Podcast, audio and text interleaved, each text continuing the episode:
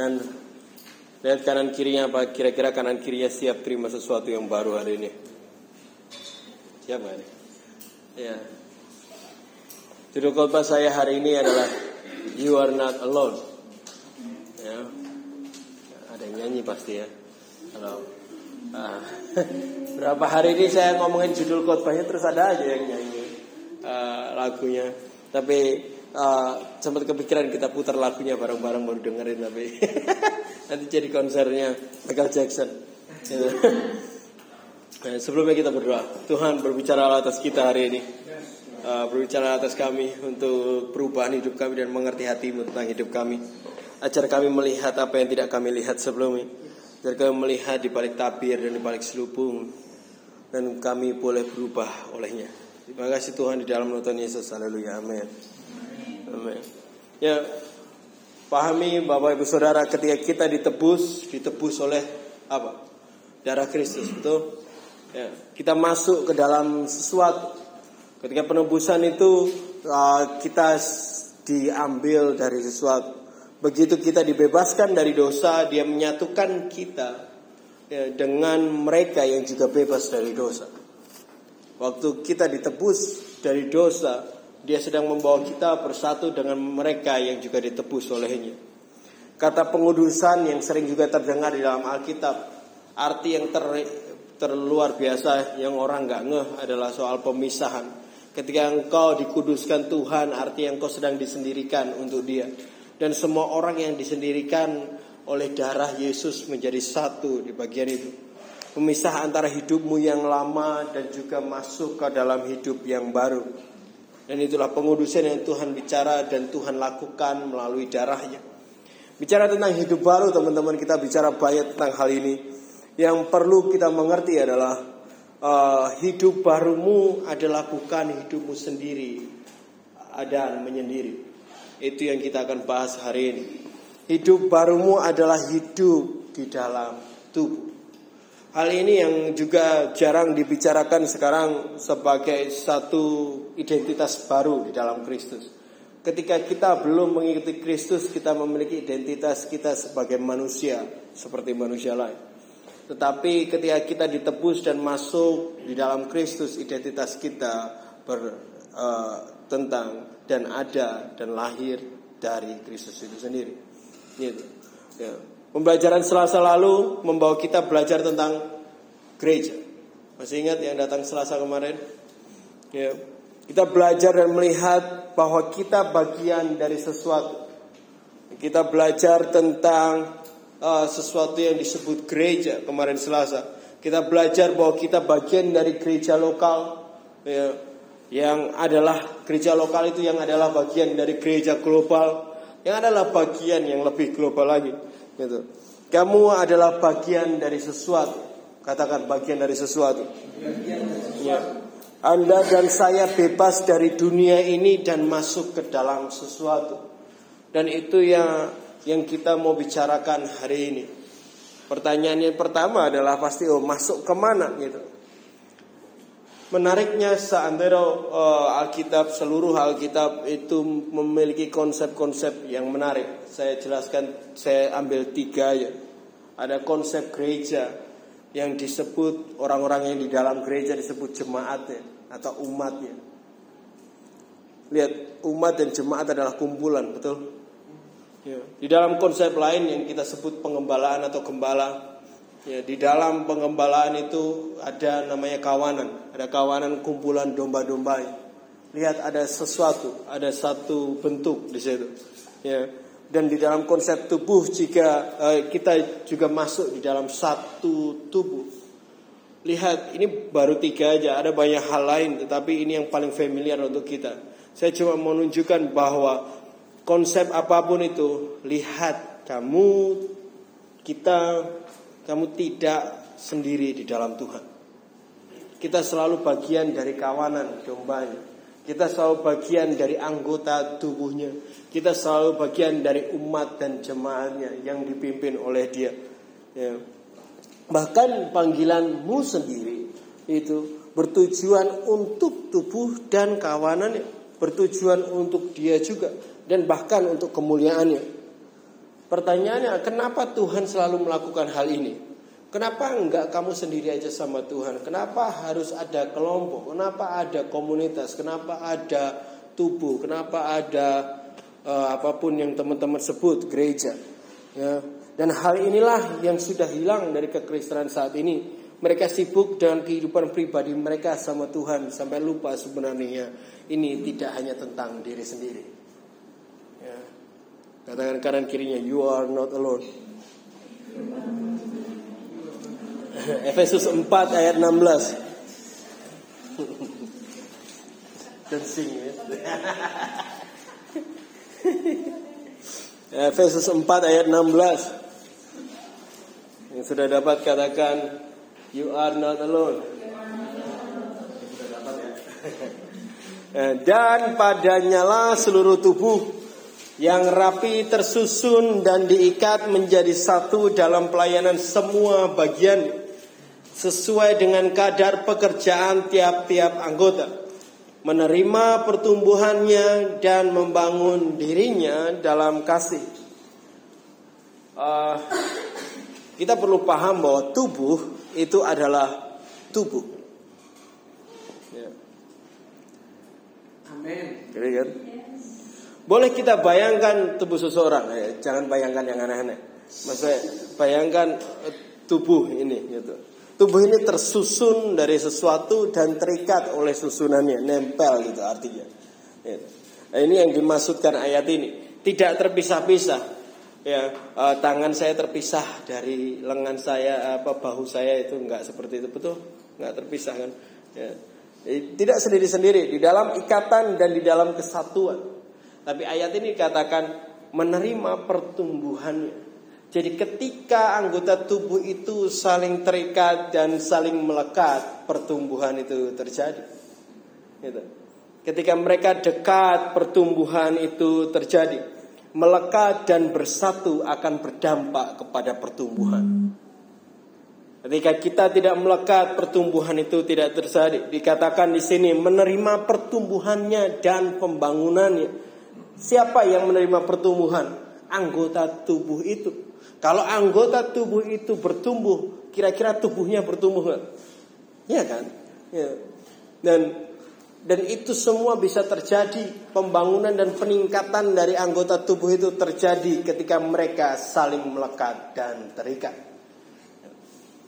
Jari, siapa punya jari di sini? Ya, dia melekat pada tangan lengan kita, betul? Ya, jari melekat dengan tangan dan tangan melekat dengan tubuh. Ya. Kalau jari tidak melekat, dia tidak pernah akan bertumbuh. Betul. Kalau jari ini nggak melekat pada tangan, dia tidak akan pernah bertumbuh. Itu bahayanya. Ya, tidak ada nutrisi yang akan masuk, tidak ada kemampuan untuk bertumbuh yang akan sampai kepada jari ini sehingga jari harus melekat pada tangan. Begitu juga tangan. Tanpa dia melekat juga dia tidak akan bertumbuh juga. Tapi ini yang keren. Kalau tangan nggak melekat, ya. tulisan saya typo jadi bingung. Yang mati itu nggak cuma tangan, jari juga. Jari juga mengalami hal yang sama ketika tangan tidak melekat pada tubuh yang lain. Tidak hanya soal pertumbuhan saya, itu. Tangan adalah sebagai anggota tubuh, ya kan? Ya, tidak melekat dan tidak bertumbuh dan membuat jari juga mengalami hal yang sama dan itu bahaya sekali. Melekatnya hidupmu tidak hanya menentukan pertumbuhan melekatnya hidupmu kepada anggota tubuh lain menentukan pertumbuhan anggota tubuh lain. Itu yang perlu dipahami. Anggota tubuh lain akan melekat pada hidupmu ketika hidupmu juga bertumbuh, mereka juga bertumbuh. Ini adalah level di mana hidupmu dapat memberi pertumbuhan bagi yang lain. Ya, sebaliknya hidupmu dapat juga memberi kematian kepada yang lain ketika kita tidak melekat kepada yang lain dan ada yang melekat kepada kita, kita membawa kematian kepada mereka. Apa yang membuat kita melekat ya ya ini? Dikatakan ini menjadi satu oleh pelayanan semua bagiannya. Di bahasa Indonesia sederhana begini. Ketika tiap-tiap anggota itu berfungsi. Ketika tiap-tiap anggota berfungsi secara teratur. Mereka melakukan fungsinya sebagai anggota tubuh itu dan mereka akan semakin melekat dan kelekatan itu terjadi. Kau percaya kamu anggota tubuh Kristus? Ya. Dan Kristus adalah kepalanya? Percaya hal itu? Kamu punya fungsi di tubuhnya. Temukan fungsi itu di dalam dia dan berfungsilah di tubuhnya. Ada satu perkataan dari Pastor Erik yang berdampak seba, ke, uh, sekali sama saya waktu kemarin di Amerika. Dia bilang ini, anggota tubuh itu tumbuh bareng-bareng. Bukan nunggu bertumbuh dulu baru dipasangkan ke tubuhnya. Ada yang gitu sekarang? Mungkin karena kupingnya belum bertumbuh disuruh tumbuh dulu, nanti kalau udah bertumbuh baru ditempel. Enggak kan? Ya. Saya tahu kadang satu dari orang di tubuh ini menjengkelkan hidupmu. Mungkin menyebalkan kehidupannya kayak wah kok nggak bertumbuh-tumbuh wah kok gini. Tapi ingat dia yang menjengkelkan itu Tuhan satukan ke kamu ke tubuh ini untuk kamu tumbuh bareng-bareng sama dia. Akan sangat aneh kalau kamu nunggu hidungmu tumbuh dulu ya, tumbuh sendiri baru ditempelin di kepala kita. Ingat, kamu tidak sendiri. Amin. Hidupmu berpautan dengan yang lain. Hidupmu bersangkutan dengan yang lain. Ini yang sangat butuh kita mengerti betul bahwa ingat bahwa kita tidak sendiri. Tuhan membawa kita bareng-bareng di sini untuk bertumbuh bersama dan terbangun bersama. Ingat hal ini, hidupmu bagian dari tubuh. Katakan tubuh. Ya, semakin melekat semakin hidup.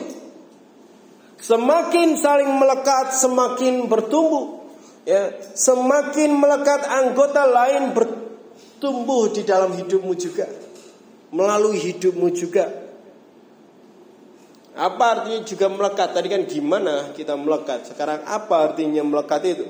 Matius 7 ayat 21. Matius 7 ayat 21 begini firman Tuhan.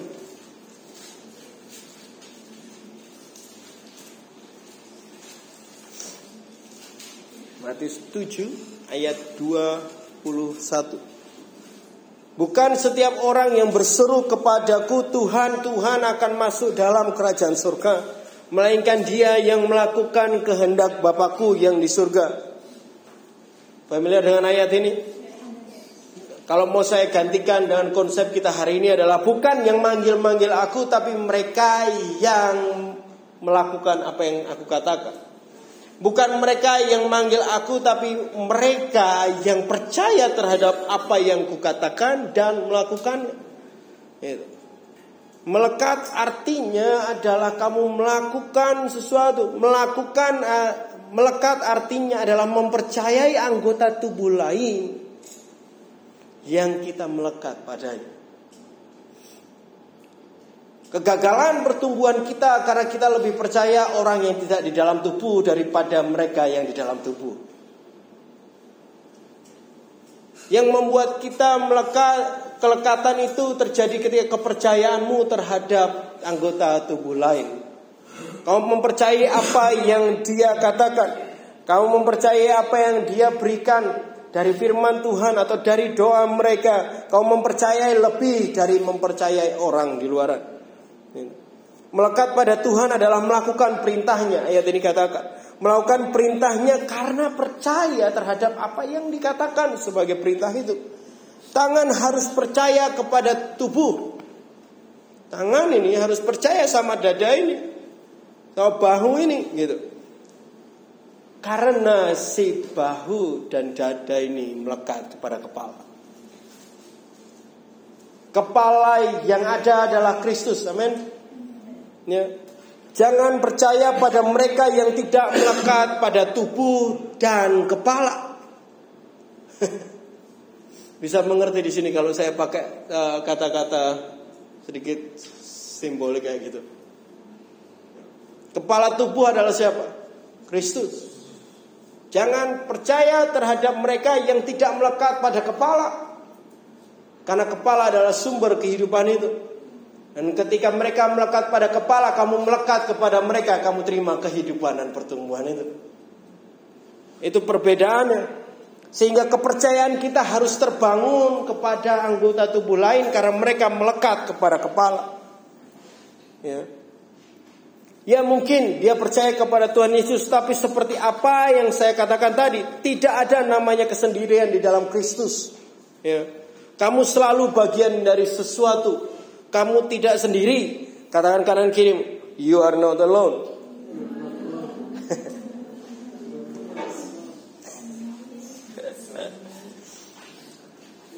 Amin. Uh, sedikit panas atau perlu tambahan lagi?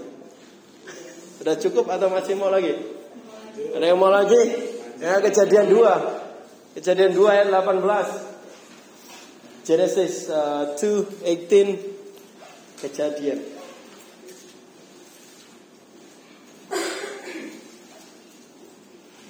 Baru 17 menit jadi baru pemanasan aja.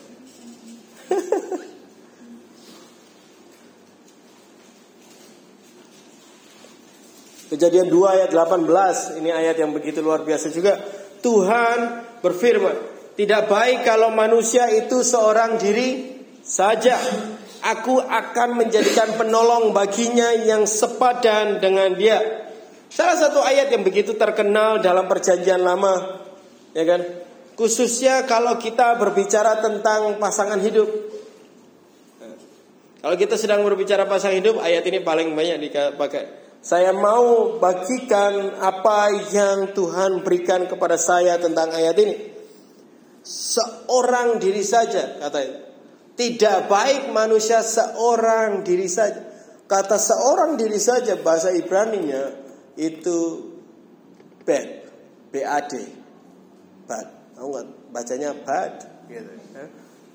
Ya, BAD tapi itu bukan bahasa Inggris, tapi itu bahasa uh, bahasa Ibrani. Ya. Salah satu artinya itu adalah palang. Kayak pak apa? Kayak batang pohon gitu berdiri sendiri. Jadi ketika disebutkan ketika tidak baik manusia hanya dewean kayak palang pohon gitu sendiri. Kenapa? Karena mereka pakai palang pohon untuk sesuatu. Kita ke Hosea 11 ayat 6.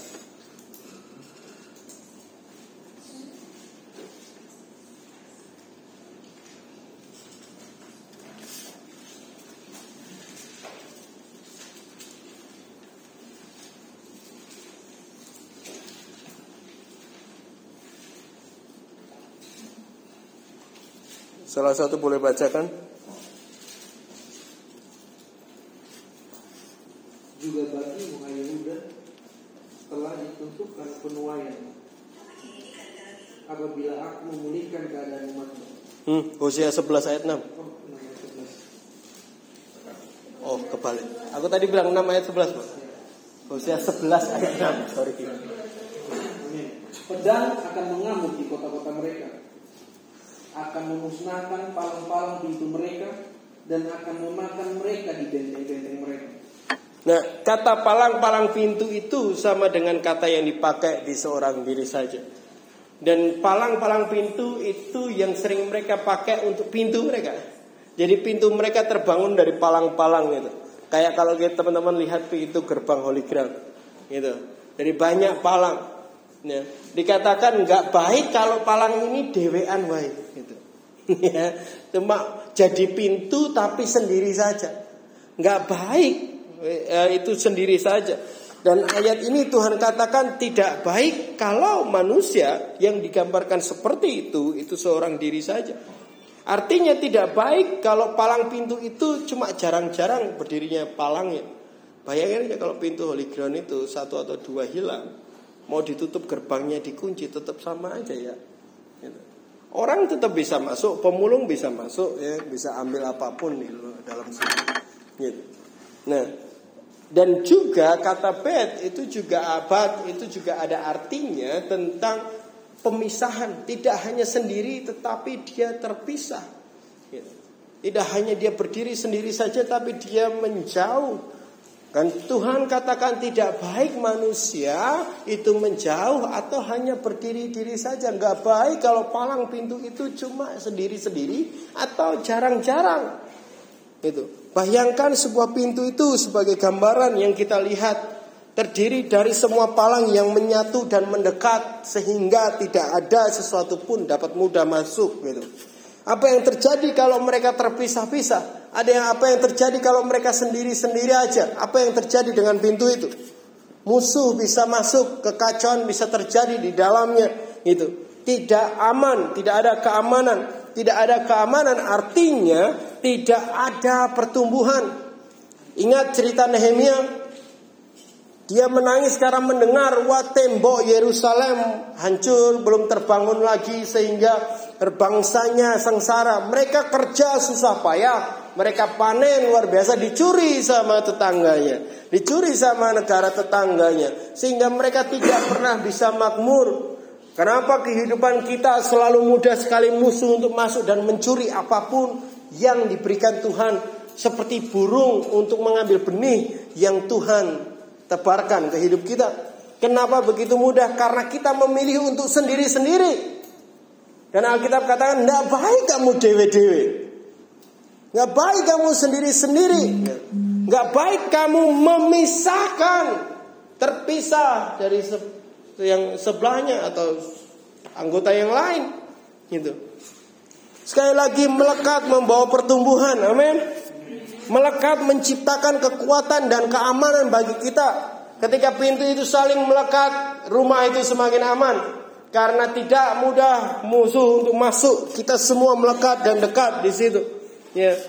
Tidak baik manusia seorang diri saja. Artinya tidak baik kamu menyendiri. Ya, kamu tidak sendiri, jangan memisahkan diri. Tidak hanya memahami bahwa kita bagian dari tubuh, tapi jangan memisahkan diri. Kamu akan bertumbuh ke arah kepenuhan Kristus, dikatakan di Efesus tadi. Untuk tujuan Kristus juga di dalam tubuhnya. Jadi jangan memilih untuk sendiri-sendiri. Jangan pilih juga untuk menyendiri. Katakan amin. Yang percaya hal ini katakan amin. Katakan lagi kanan kirimu, kamu tidak sendiri.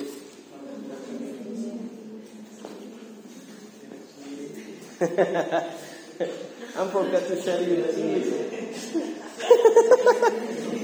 it's okay.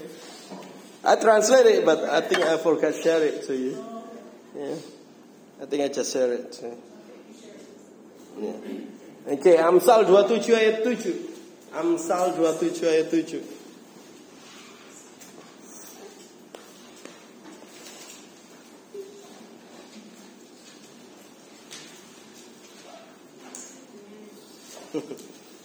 Amsal 27 ayat 7 ini ayat yang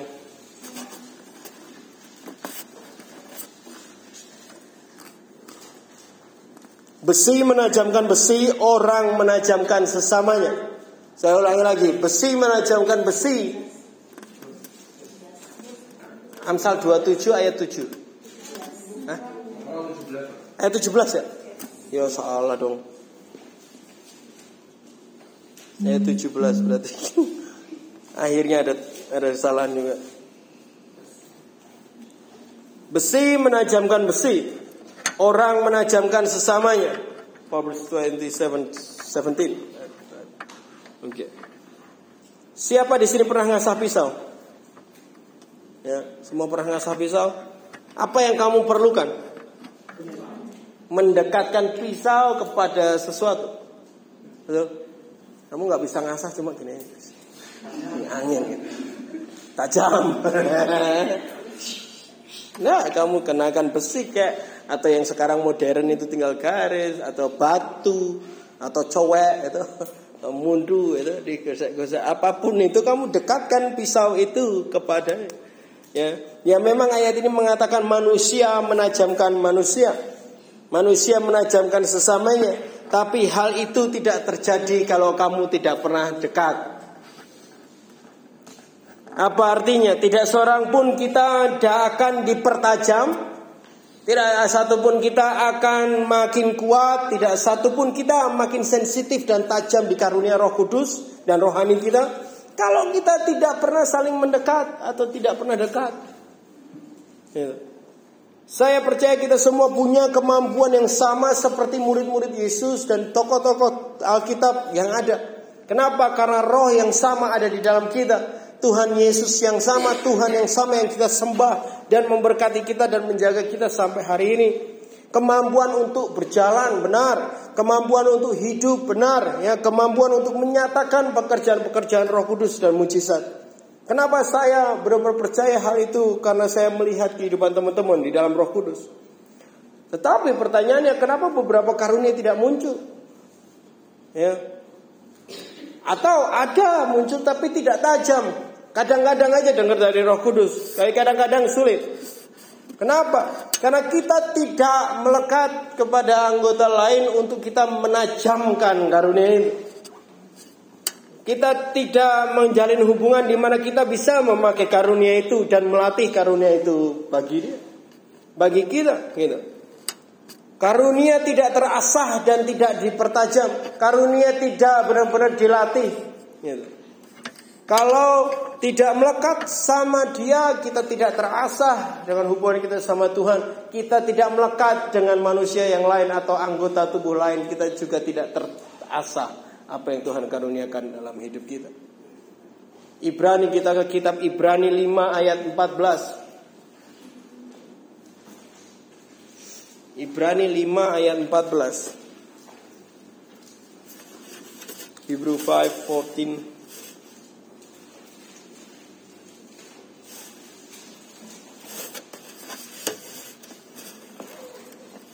Tetapi makanan keras adalah untuk orang-orang dewasa yang mempunyai panca indera yang terlatih untuk membedakan yang baik dan daripada yang jahat.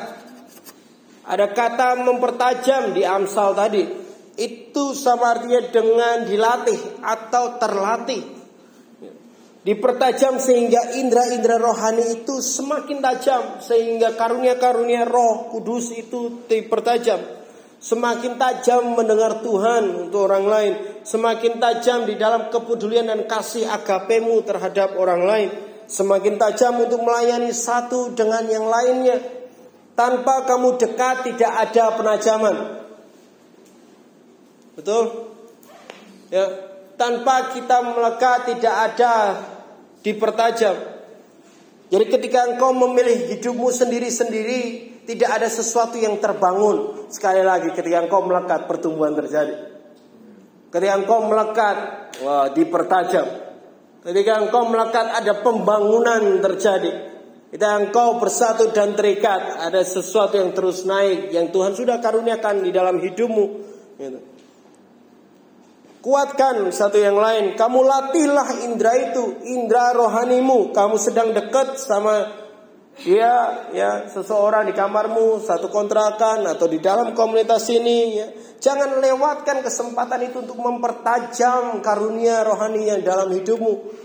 Berdoa untuk mereka kuatkan mereka bangun mereka bangun satu dengan yang lainnya malam sebelum tidur coba berdoa apakah aku apa ya yang kira-kira aku akan kasih ke teman kamarku ini besok pagi? You atau kamu lihat kok kayaknya aneh ya uh, si dia uh, apa yang perlu aku lakukan. Ini tuh mempertajam tapi tanpa kedekatan kita tidak punya kesempatan untuk mempertajam karunia itu. Serapanya yang mau melatih karunianya hari ini. Melekatlah dan mendekatlah sama anggota yang lain supaya kamu mempertajam karunia itu. Kamu nggak akan bisa membangun satu dengan yang lain kalau nggak pernah ketemu juga. Ya, Habiskan waktumu sama mereka. Itu cara kamu melatihnya, teman-teman. Kalau kamu nggak dekat, gimana kamu melatih semua itu? Yakobus 4 ayat 8. Yakobus 4 ayat 8, James 4 8.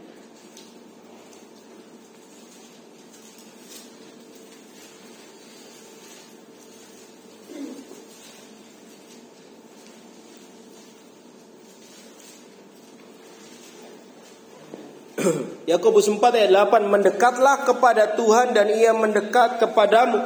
Tahirkanlah tanganmu hai orangmu orang-orang berdosa dan sucikanlah hatimu. Hai kamu kamu kamu orang-orang yang mendua hati. Teman-teman mendekat adalah tindakan. Mendekat adalah tindakan yang bermula dari hati yang rindu dan ingin dan ingin untuk hal tersebut gitu. Tuhan katakan mendekatlah untuk datang kepadaku Ya, dalam pelajaran Talmidim hal ini kita bahas di kata di huruf A. Jadi Talmidim T dan A. T bicara tentang take in, A bicara attachment. Kita belajar itu. Beberapa dari teman-teman belum lewati kelas ini. Mungkin nanti kita akan punya kelas ini lagi. Itu. Ini bagaimana mereka melekat, gimana murid-murid harus melekat kepada rabinya dan Tuhan Yesus pada waktu itu. Tuhan memanggil mereka untuk mendekat dan melekat bersama-sama dan melekat untuk memilih meninggalkan apa yang mereka miliki. Melekat tidak akan terjadi tanpa keputusan meninggalkan sesuatu. Simon, Andreas, Yohanes dan Yakobus mereka meninggalkan semua hasil uh, panennya waktu itu panen ikan ya, untuk melekat kepada Yesus. Tidak ada namanya kamu melekat sama seseorang tanpa meninggalkan sesuatu.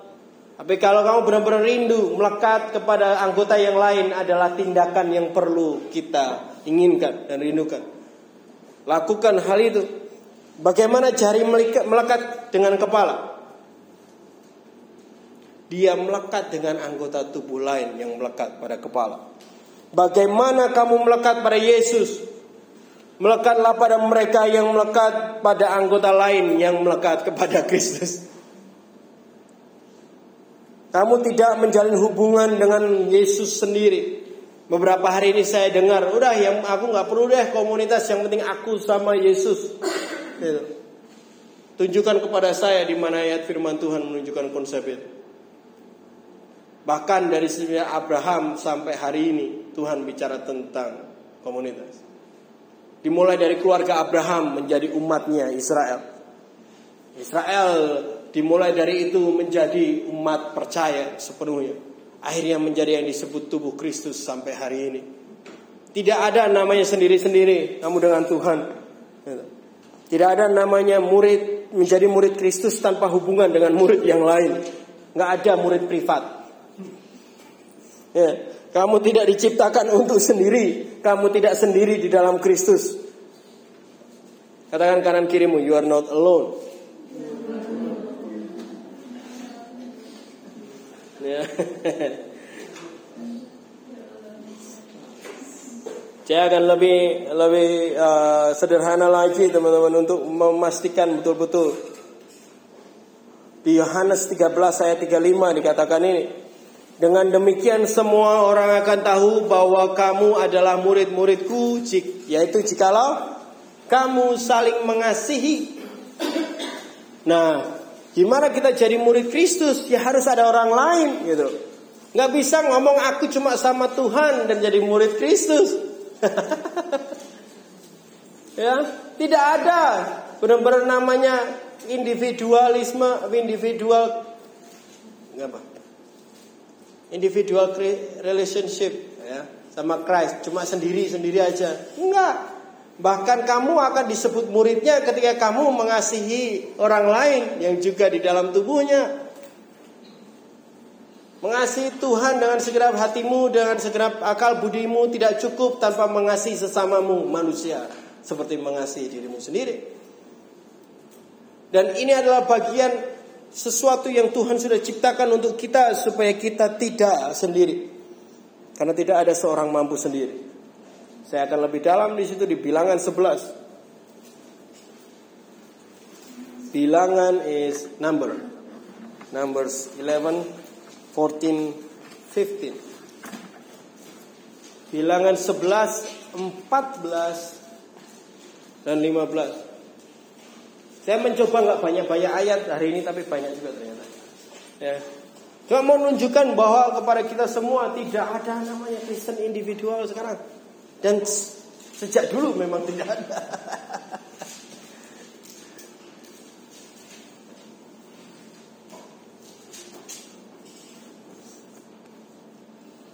Ayat 14, aku seorang diri tidak dapat memikul tanggung jawab atas seluruh bangsa ini sebab terlalu berat bagiku.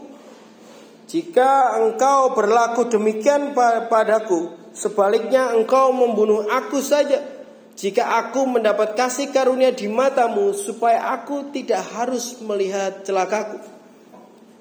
Tahu siapa yang sedang ngomong sama Tuhan ini? Musa. Ya, apa yang terjadi adalah Israel itu mulai mengeluh lagi soal makanan. Kenapa nggak ada daging kok ini ini aja gitu ya? Kenapa nggak gini gini gitu kan?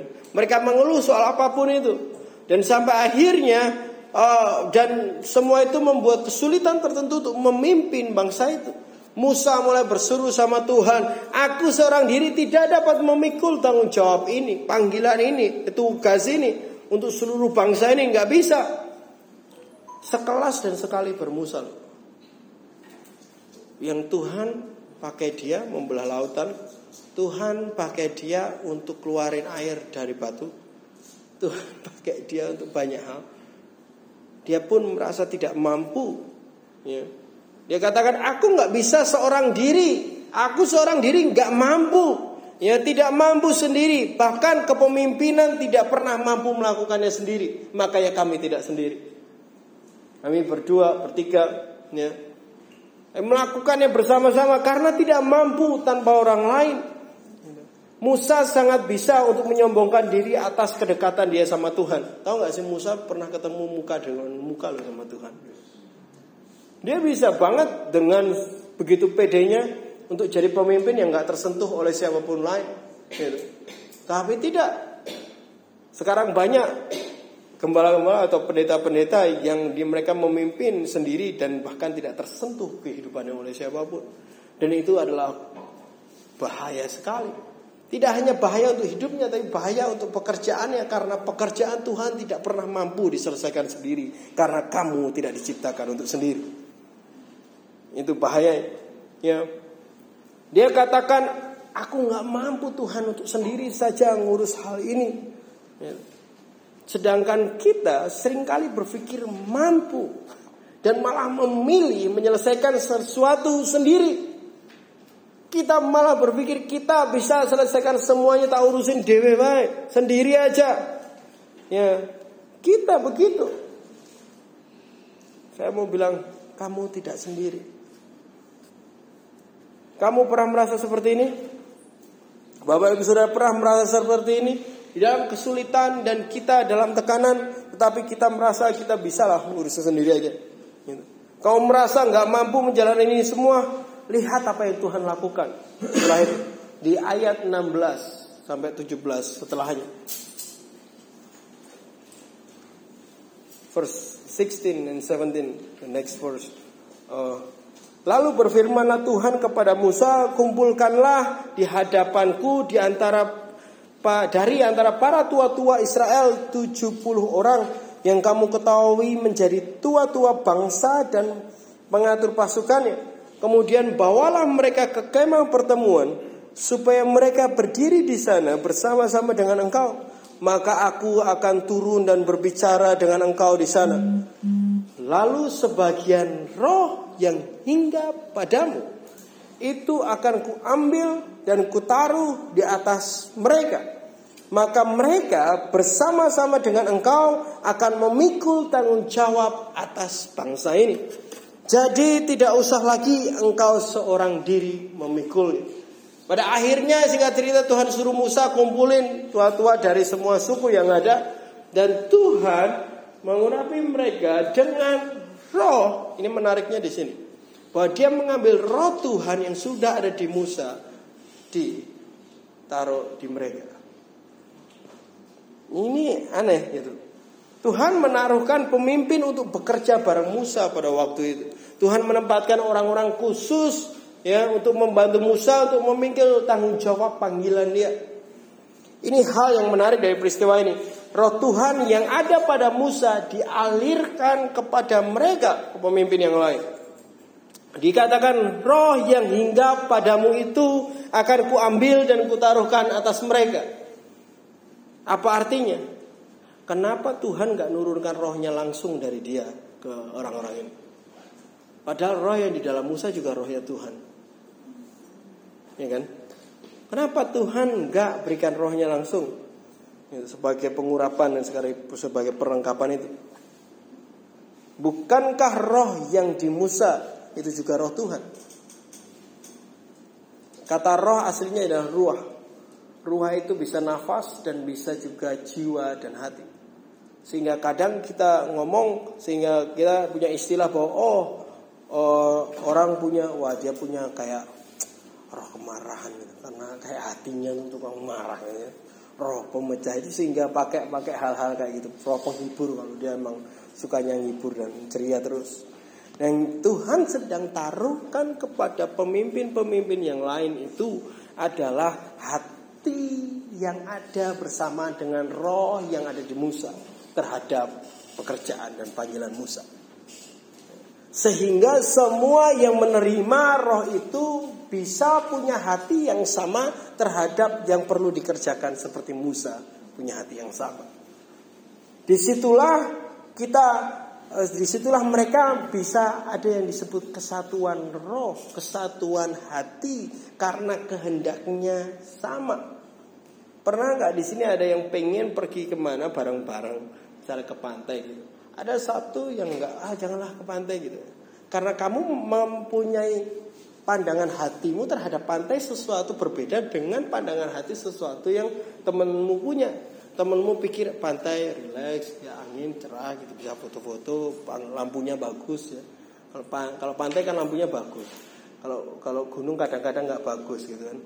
Mendung dan lain-lain punya bayangan lain bayangan tersendiri hati lain terhadap apa yang kalian mau lakukan sangat penting kesatuan roh itu karena kesatuan roh itu menentukan kamu dapat menyelesaikan pekerjaan itu bareng-bareng atau enggak Saking pentingnya Tuhan menaruhkan hati dan roh yang sama yang udah ada di Musa terhadap pekerjaan Tuhan ke mereka juga supaya mereka punya hati yang sama terhadap pekerjaan itu. Sehingga mereka memandang dengan cara yang sama umat Israel. Sehingga mereka memandang dengan cara yang sama kesulitan-kesulitannya. Dan mereka mengasihi yang sama juga. Bisa mengerti di sini? Kenapa? Ya, Bukan kebetulan kamu menjadi bagian dari pelayanan ini. Bukan kebetulan kamu menjadi bagian dari tubuh ini. Karena Tuhan mau menaruhkan roh yang sama di setiap kita. Saya selalu melihatnya hal itu. Bukan karena siapa kenal siapa terus kalian gabung sama sini. Semuanya adalah Tuhan. Karena supaya kita menjadi satu di dalam rohnya untuk melihat tujuan dan panggilannya bersama-sama. Tahu nggak sih? Kita kami pun tidak dapat menyelesaikan panggilan dan pekerjaan Tuhan sendiri tanpa kalian. Sehingga Tuhan membawa kita semua bersatu untuk kita semua berbagi hati Tuhan dan roh Tuhan. Sehingga kita ada di dalam kesatuan roh dan kesatuan hati itu. Ya.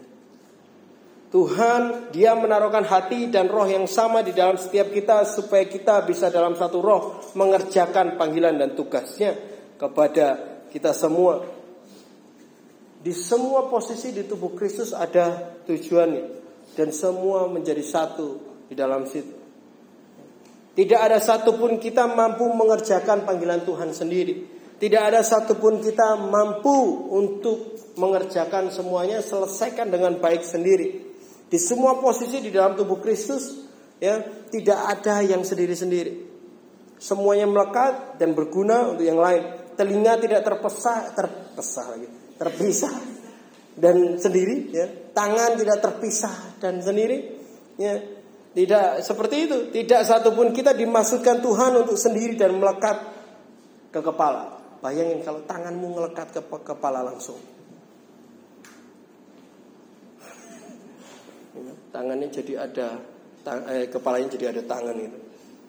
Semua melekat pada keteraturan, pada susunan yang Tuhan rindukan. Ya, dan bahkan kita perlu satu dengan yang lain untuk sukses di dalam Kristus. Untuk kita bertumbuh sampai kepada kepenuhan Kristus. Dia menempatkan mereka yang rohnya sama. Untuk kita saling berbagi hati yang sama yang Tuhan taruhkan untuk mengerjakan hal yang Tuhan taruhkan bagi kita.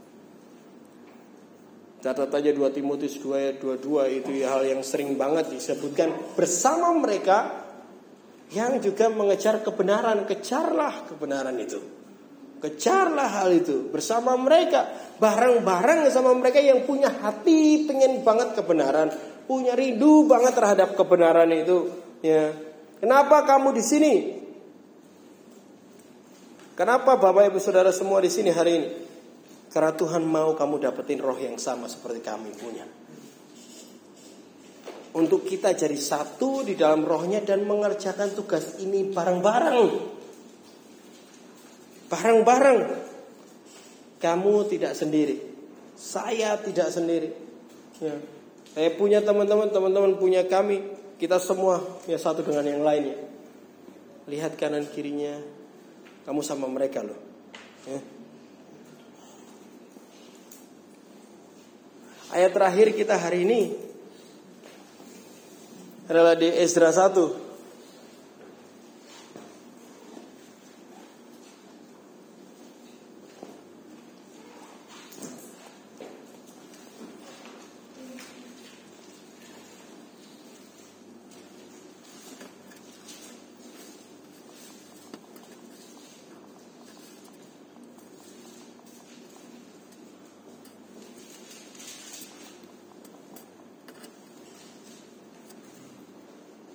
Ezra 1 semua dari situ ayat 5. Saya mulai dari ayat 5 sampai 6. Maka berkemaslah kepala-kepala kaum keluarga orang Yehuda dan Benyamin serta para imam dan orang-orang Lewi, yakni setiap orang yang hatinya digerakkan Tuhan untuk berangkat pulang dan mendirikan rumah Tuhan yang ada di Yerusalem. Dan segala orang di sekeliling mereka membantu mereka dengan barang-barang perak, emas, harta benda, dan ternak, dan pemberian yang indah-indah selain dari segala sesuatu yang dipersembahkan dengan sukarela. Tahu cerita ini mereka balik lagi ini angkatan yang uh, berikutnya untuk mereka balik ke Yerusalem seperti cerita Nehemia ada pelajarannya yang teman-teman bisa balik di YouTube tentang hal itu. Ya. Apa yang terjadi saat kita semua satu hati dan satu roh untuk mengerjakan panggilan Tuhan? Untuk mengerjakan tugas Tuhan dan hati Tuhan. Apa yang terjadi? Kita semua mencintai apa yang kita mau kerjakan dan setiap orang berkontribusi terhadap pekerjaan itu. Suatu pelayanan, suatu tubuh Kristus, suatu gereja dan kawanan domba Tuhan akan timpang ketika tidak semua orang di dalamnya merasakan hati yang sama. Sehingga kadang kita lihat problemnya adalah hanya beberapa orang yang begitu fight sekali terhadap berjuang sekali terhadap apa yang mau diterai khususnya mungkin pendetanya. Tapi tidak terjadi di semua orang karena mereka belum mendapatkan hati dan roh yang sama. Dan hanya Tuhan yang mampu mendekatkan hal itu. Dengan kerinduan kita untuk melekat, Tuhan akan melimpahkan rohnya di dalam kita. Setiap kita akan mengalirkan darah yang sama dari kepala sampai tangan dan ujung kaki. Ketika kita melekat satu dengan yang lain, darah itu ada di dalam kita dan menjadikan hati yang sama. Sehingga setiap kita punya hati dan kerinduan besar terhadap yang kita kerjakan, setiap orang akan kontribusi. Setiap orang akan menaruhkan sesuatu. Kontribusi tetap terhadap pembangunan cerita hal ini. Pembangunan apa? Kota mereka. Kota yang namanya apa di sini? Yerusalem. Ya. Tempat nama Tuhan dimuliakan dan ditinggikan. Ya, setiap orang berkontribusi untuk membangun tubuhnya, pembangunan tubuhnya. Banyak orang Kristen percaya akan pertumbuhan rohani. Masalahnya tidak ada anggota tubuh yang bertumbuh sendiri. Kita semua berkontribusi di kehidupan satu dengan yang lainnya sehingga kita bertumbuh bersama di dalam pembangunan kita bersama. Dan Yerusalem adalah tempat di mana Tuhan berdiam di tengah-tengah umatnya. Sebab kalau ayat ini sebab di mana ada dua atau tiga orang ya berkumpul dalam namaku, aku ada di tengah-tengah mereka. Ya, Matius 18:20 kalau mau dicatat. Tidak satu orang Ya, memang kamu bisa berdoa di kamarmu sendiri dan kamu merasakan kehadiran Tuhan. Tapi ini hidup saya, ini pengalaman saya. Selama saya bersama Tuhan di dalam doa pribadi saya, waktu saya cuma sama Tuhan, dia selalu bawa saya ke hati terhadap orang lain. Tidak pernah hati sendiri. Karena itu hatinya. Itu hatinya nggak pernah bicara tentang kita sendiri. Hatinya bicara tentang tubuhnya dan dia dan orang lain di hidup kita. Ini ini harus kita pahami betul-betul. Dia juga bahkan di dalam waktu kita pribadi sama Tuhan, dia berurusan dengan kita. Ketidakbenaran yang kita miliki, dosa, kemalasan, ya, yang membuat segala sesuatu yang membuat kita tidak berfungsi sebagai anggota tubuh.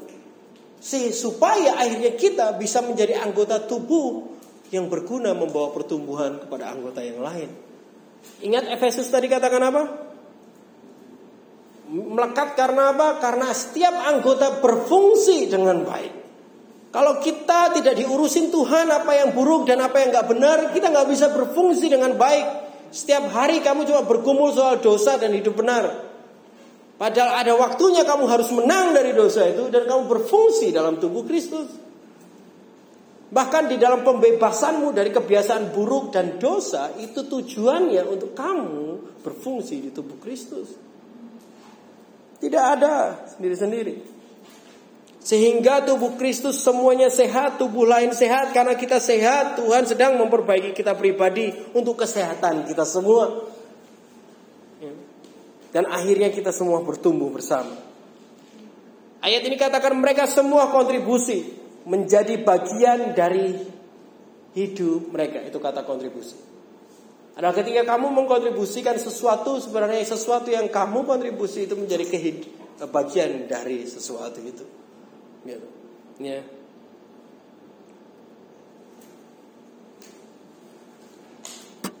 Dan dikatakan di sini mereka kontribusi ada apa aja? Ada perak, ada emas, ada harta sesuatu yang berharga bagi mereka, ada hal lain yang indah-indah. Perak, emas dan harta apa ini? Ini adalah hal yang berharga. Hal yang berharga bagi mereka, mereka kontribusikan bagi kehidupan pembangunan tubuh Kristus. Kota Tuhan di mana Tuhan ada, di mana Tuhan memimpin. Memberi dan berkorban hal-hal yang gak berharga bagi kita gampang banget. Betul gak sih? Kayak kadang ada yang datang ke rumah entah Stanley atau siapa itu ini tak pinjam loh, ayo bawa aja, nggak tak pakai gitu kan. ya karena nggak tak pakai, karena aku nggak pakai jadi gampang banget gitu. Kalau yang nggak berharga, nggak nggak tergunakan itu begitu mudah. Tapi mereka memberikan kontribusi hal yang berharga bagi mereka, bagi hidup mereka sendiri, mereka berikan bagi komunitas, mereka berikan bagi sebangsa mereka untuk pembangunan di mana Tuhan ada di mana Tuhan akan memimpin untuk pembangunan tubuh itu ya. Tapi mereka benar-benar memberikan kontribusi itu kepada setiap mereka. Apakah Bapak Ibu Saudara punya hal yang berharga bagi hidupmu? Ada hal-hal yang berharga? Saya sebutkan dikit me time. Ya. Duit beli baju baru. Waktu tidur siang kepinginan untuk makan enak, duit yang udah disimpan-simpan untuk hal lain, untuk senang-senang dan lainnya.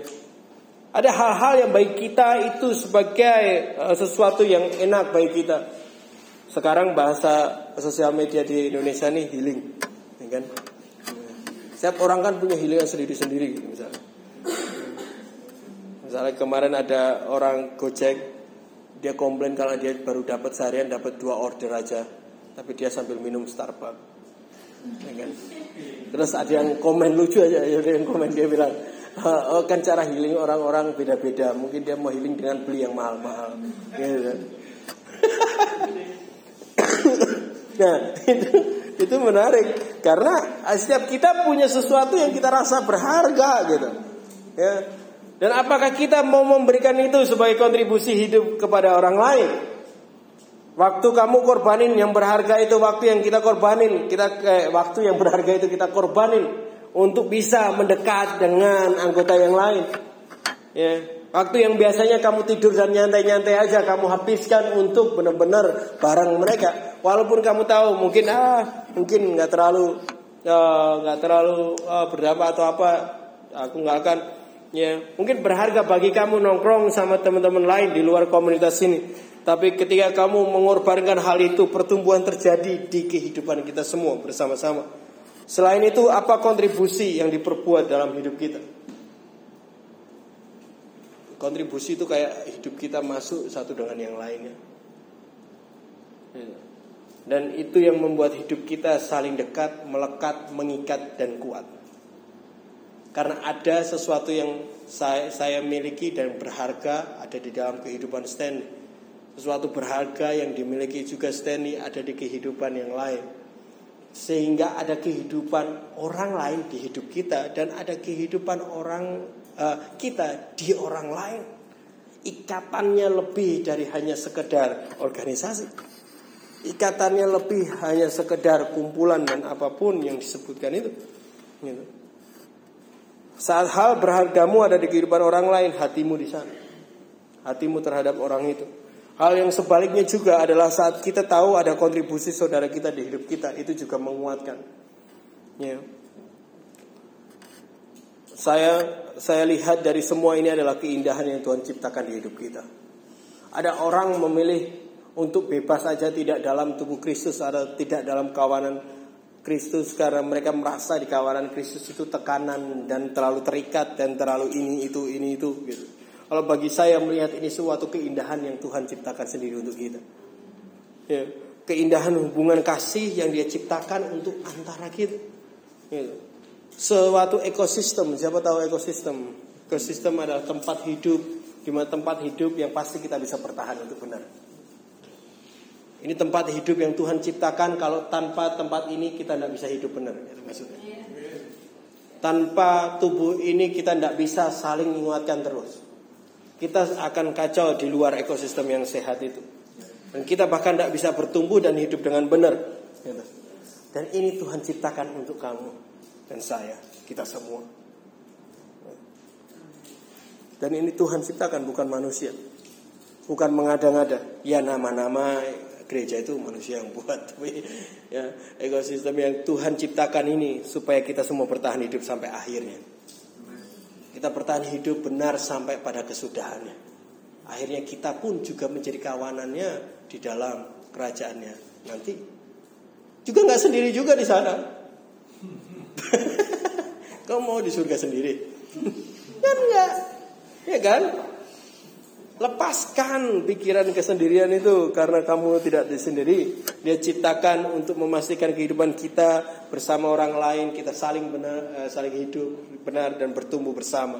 Kamu tidak sendiri. Kita tidak sendiri. Yang ngomong kanan kirinya, kamu tidak sendiri.